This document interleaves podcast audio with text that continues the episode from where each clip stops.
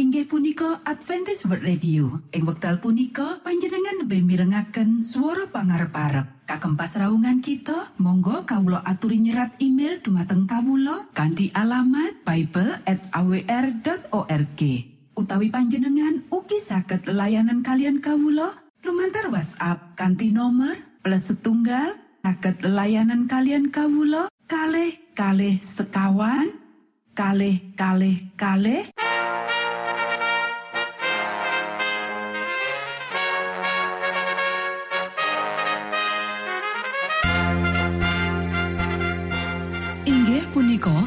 Adventis World Radio ingkang giaran kanti basa Jawi.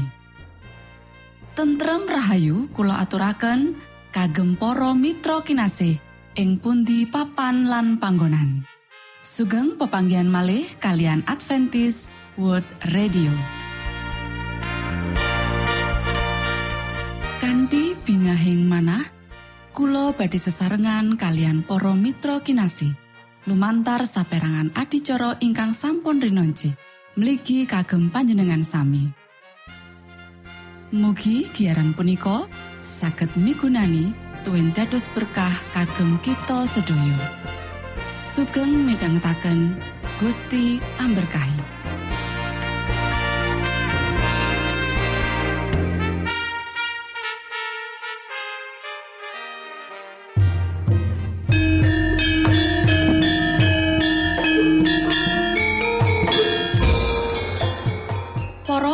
pamirsa kinasih ing Gusti Yesus Kristus. Ing wekdal punika kita badhe sesarengan ing adicara ruang kesehatan. Ingkang saestu migunani kagem panjenengan saha kita sami. Tips utawi pitedah ingkang dipun aturaken ing program punika tetales dawuhipun Gusti ingkang dipunnyatakaken ing kitab suci. Semantan ugi sakehing seratan ingkang dipun wangsitaken dening Gusti Allah.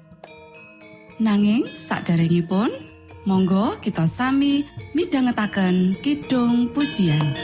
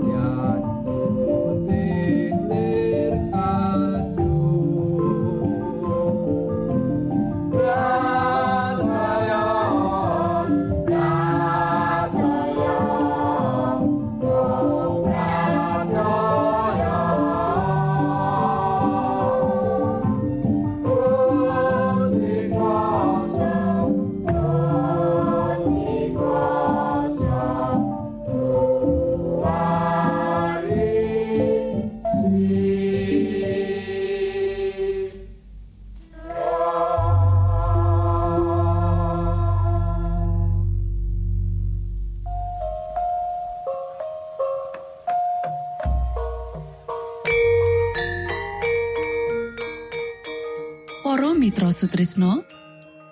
Puji syukur dumateng Gusti ingkang murbeng dumati ingkang sampun kepareng paring wewenngan kagem kita. Satemah saged nglajengaken ruang kesehatan. Pirembakan kita semangke kanthi irah-irahan. Ngabekti ing sakjroning kuil selera sing salah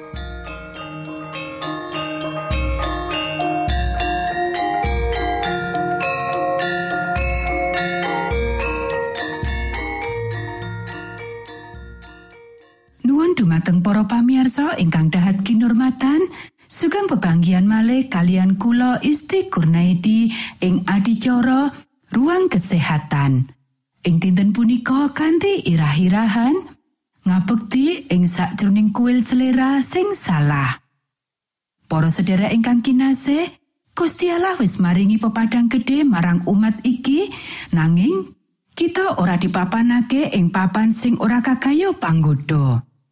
Sopo sing antarane kita sing golek pitulungan saka ilah ekron? Telengen gambar iki dudu dilukisake kanthi imajinasi. Spiro akeh sifat sing gampang mengaruhi bisa ditonton kalebu ing umateng Allah. Sawijining wong nandang cacat katone sadar banget nanging diapusi dening perasaan cukup nganti bebas ngino angger-angger kesehatan lan pepakon urip.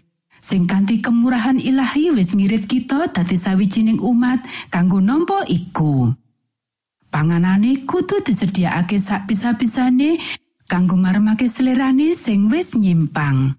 Tinimbang lunggu ing meja nedha sing disuguhake panganan sehat, dheweke milih restoran amarga ing kono dheweke bisa manjakake selera tanpa wates. Sawijining pemilo pertarakan sing wasis Dheweke ora ngurmati landesan prinsip-prinsip kasebut. Dheweke pengin uwal nanging nampik kanggo ngentuki iku kanthi reka penyingkuran diri. Wong iki ngabekti sakjroning kuil selera sing salah. Dheweke sawijining panyembah brahala. Kuoso sing disucikake lan didhuwurake sing kudu digunakake kanggo ngurmati Gusti Allah, diringkehake banjur dipasrahake marang pelatosan sing enteng. Sipat sing gampang kesinggung, pikiran sing kacau, syaraf sing tegang, kabeh ya iku akibat saka panera angger-angger alam. Dheweke ora efisien sakjroning pakaryan lan ora bisa dipercaya. Para sedherek ingkang kinasih, ing ora-ora samun pacoban, Sang Kristus ngadepi pacoban gedhe sing bisa ngalahake manungsa. Ing kono panjenengane berjuang lan ijen panjenengane nglawan mungso sing licik lan nepsu lan mungso iku dikalahake. Pacupan gede sing sepisan ngenani selera. Pacupan kaping pindo kekayutan karo rasa gumunggung. Pacupan kaping telu kekayutan karo tresno marang katonyan. Setan wis ngalahake mayuto-yuto wong kanthi nggodha dheweke kanggo manjakake selera. Lumantar marmake cita rasa susunan syaraf bakal kerangsang lan kuasa otak bakal diringkehake. Nganti wong mokal bisa mikir kanthi tenang ada dasar rasio. Pikiran iku ora seimbang. Pikiran sing mulya karo sing luwih dhuwur keplinger kanggo nglateni nepsu kewan. Lan kepinginan langgeng sing suci ora diajeni. Menawa iki dicupuk setan bisa nyerang kanthi loro woh panggoda liyane sing wis diwenehake. Panggodane sing matikel-tikel iku tuwa saka katelu inti pacoban iki. Para sederek saka kabeh piwulang sing bisa disinaoni saka panggoda gedhe sing diadepi dening Gusti Yesus, ora ana sing luwih wigati katimbang tetep nahan lan ngendhaleni selera sarta nepsu. Ing kabeh jaman, Panggoda sing kekayutan fisik kasil banget sakjroning mudhunake lan ngrusakake umat manungsa.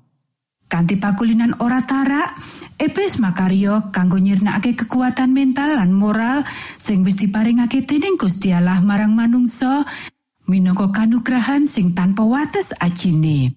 Kanti mangkono, mokal kanggo dheweke kanggo ngajeni perkara-perkara sing duwe aji langgeng. Kanti pemanjaan nepsu, setan budidaya ngrendeti jiwa supaya ora padha karo Gusti Allah.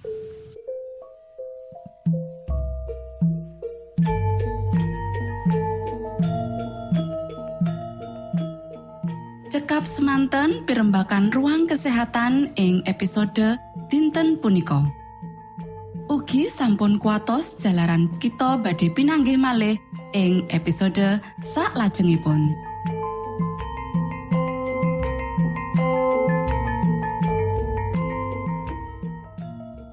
Punika adicara ruang kesehatan. Menawi panjenengan gadah pitakenan utawi ngersaakan katerangan ingkang langkung Monggo kulo aturi Kinton email dateng alamat ejcawr@ gmail.com utawi lumantar WhatsApp kanti nomor 025 pitu 00 songo songo papat 00 pitu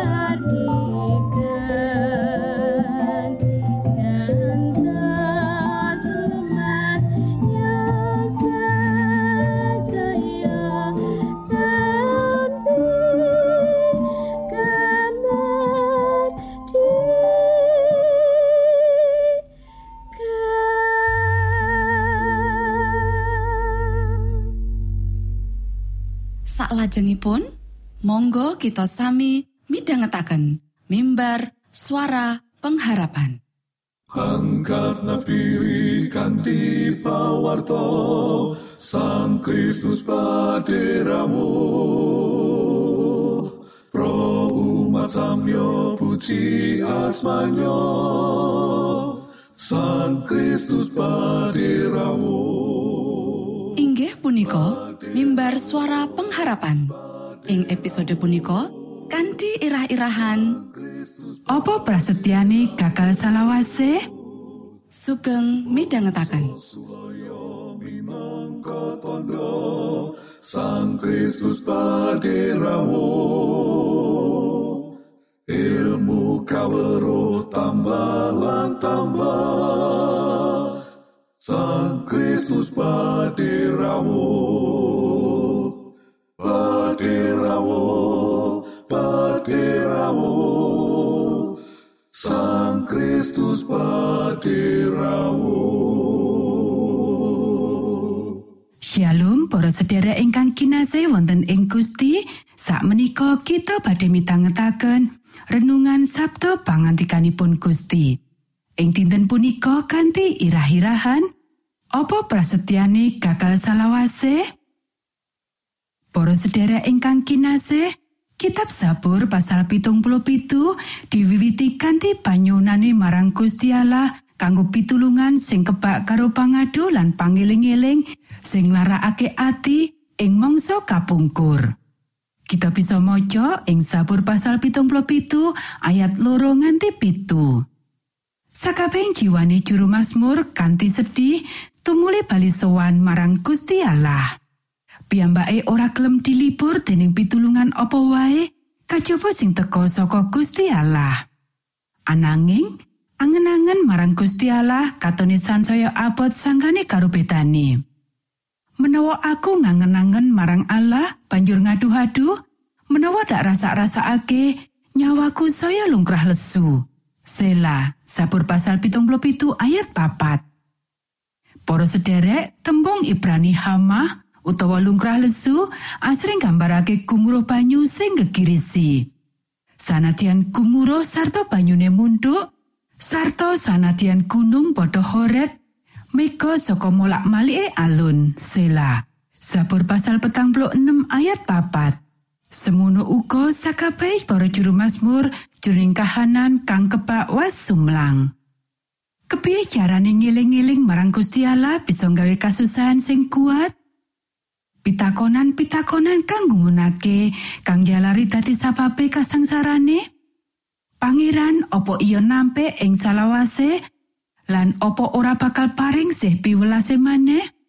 Sih susetyane opo wisirno ing sabanjure? Prasetyane opo wis tumeka ing pungkasane nganti turun tumurun? Sabur pasal pitung pitu ayat wolu nganti 10. Apa Gusti Allah wis malih? Apa bisa Gusti Allah nirwakake prasetyane? Para sederek, prabedan kang nyolok antarane tumindak kaselamatane Gusti Allah ing mangsa biyen lan ora anane Gusti Allah sing cetha ing jaman saiki nyebabake juru Mazmur rumangsa ditinggal dening Gusti Allah. Menawa Gusti Allah wis malih, mula juru Mazmur ora duwe pangarep-arep. Panganggep kang ora bisa diselaki. Sawetara iku, Juru Mazmur ora bisa turu amarga Gusti Allah nggawe dheweke tangi.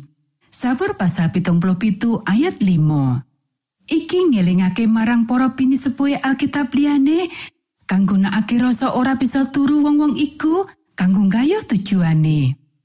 Purwaning tumati pasal patang siji ayat siji nganti wolu, Esther pasal 6 ayat siji, Daniel pasal loro ayat siji nganti telu. Wengi-wengi sing ora bisa turu nyebabake juru Mazmur mikirake tumintake pangluaran Gusti Allah ing jaman kino nanging kanthi tekad kang anyar. Sabur pasal pitung pitu ayat 6 lan siji. Tetanggelan sing ditompo juru Mazmur saka Gusti Allah ora kalebu katrangan babakan kahanan pribadine. Nanging minangka konfirmasi kasetyan lan kapercayan Gusti Allah. Kayata Ayub. Juru Mazmur nyurungake kanggo ngenteni siye Gusti Allah sakjroning iman. mangerteni yen panjenengane iku Allah kang padha kang nindakake mujizat marang bangsa Israel ing jaman biyen. Sabur pasal pitung pitu ayat rolas nganti songolas. Sang juru Mazmur uga ngakoni yen tapak tilase ora katon. Sabur pasal pitung pitu ayat rong puluh. Ngakoni tuntunane Gusti Allah senajan ing kahanan karawane sing ora katon ing mripat manungsa. Para juru Mazmur uga ngakoni menawa Gusti Allah iku bebarengan nyatakake diri lan ora katon. Mula sebabe juru Mazmur padha memuji cara-carane Gusti Allah sing nyeloweti lan moho kuoso. Monggo kita sami ndedonga. Duh Rama kawula ingkang wonten ing swarga, asma patuko mugi kasucikaken.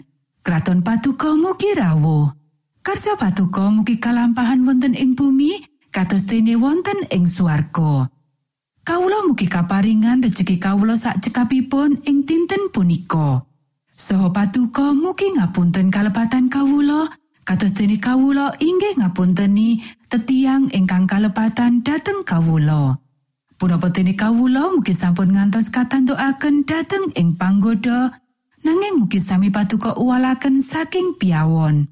Awit dene patuko ingkang kagungan kraton saha wisesa tuen kamulyan salami laminipun. Amin.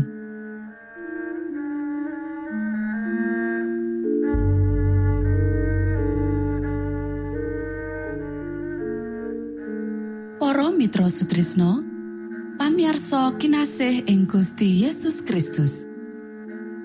Sampun paripurno pasamuan kita ing dinten punika. Menawi panjenengan gadah pitakenan utawi ngersaakan seri pelajaran Alkitab suara nubuatan Monggo Kulo aturi kinton email dateng alamat ejcawr gmail.com utawi lumantar WhatsApp kanti nomor 025 pitu 00 songo songo papat 00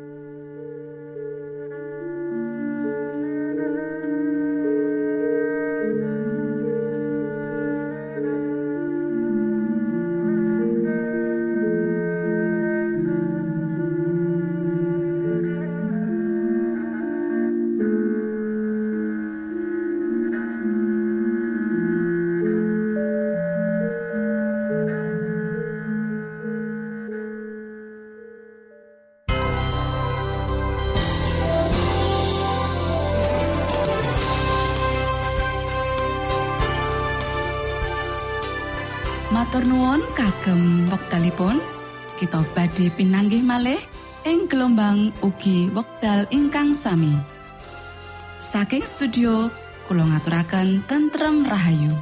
Gusti amberkahi kita sedaya. Maranata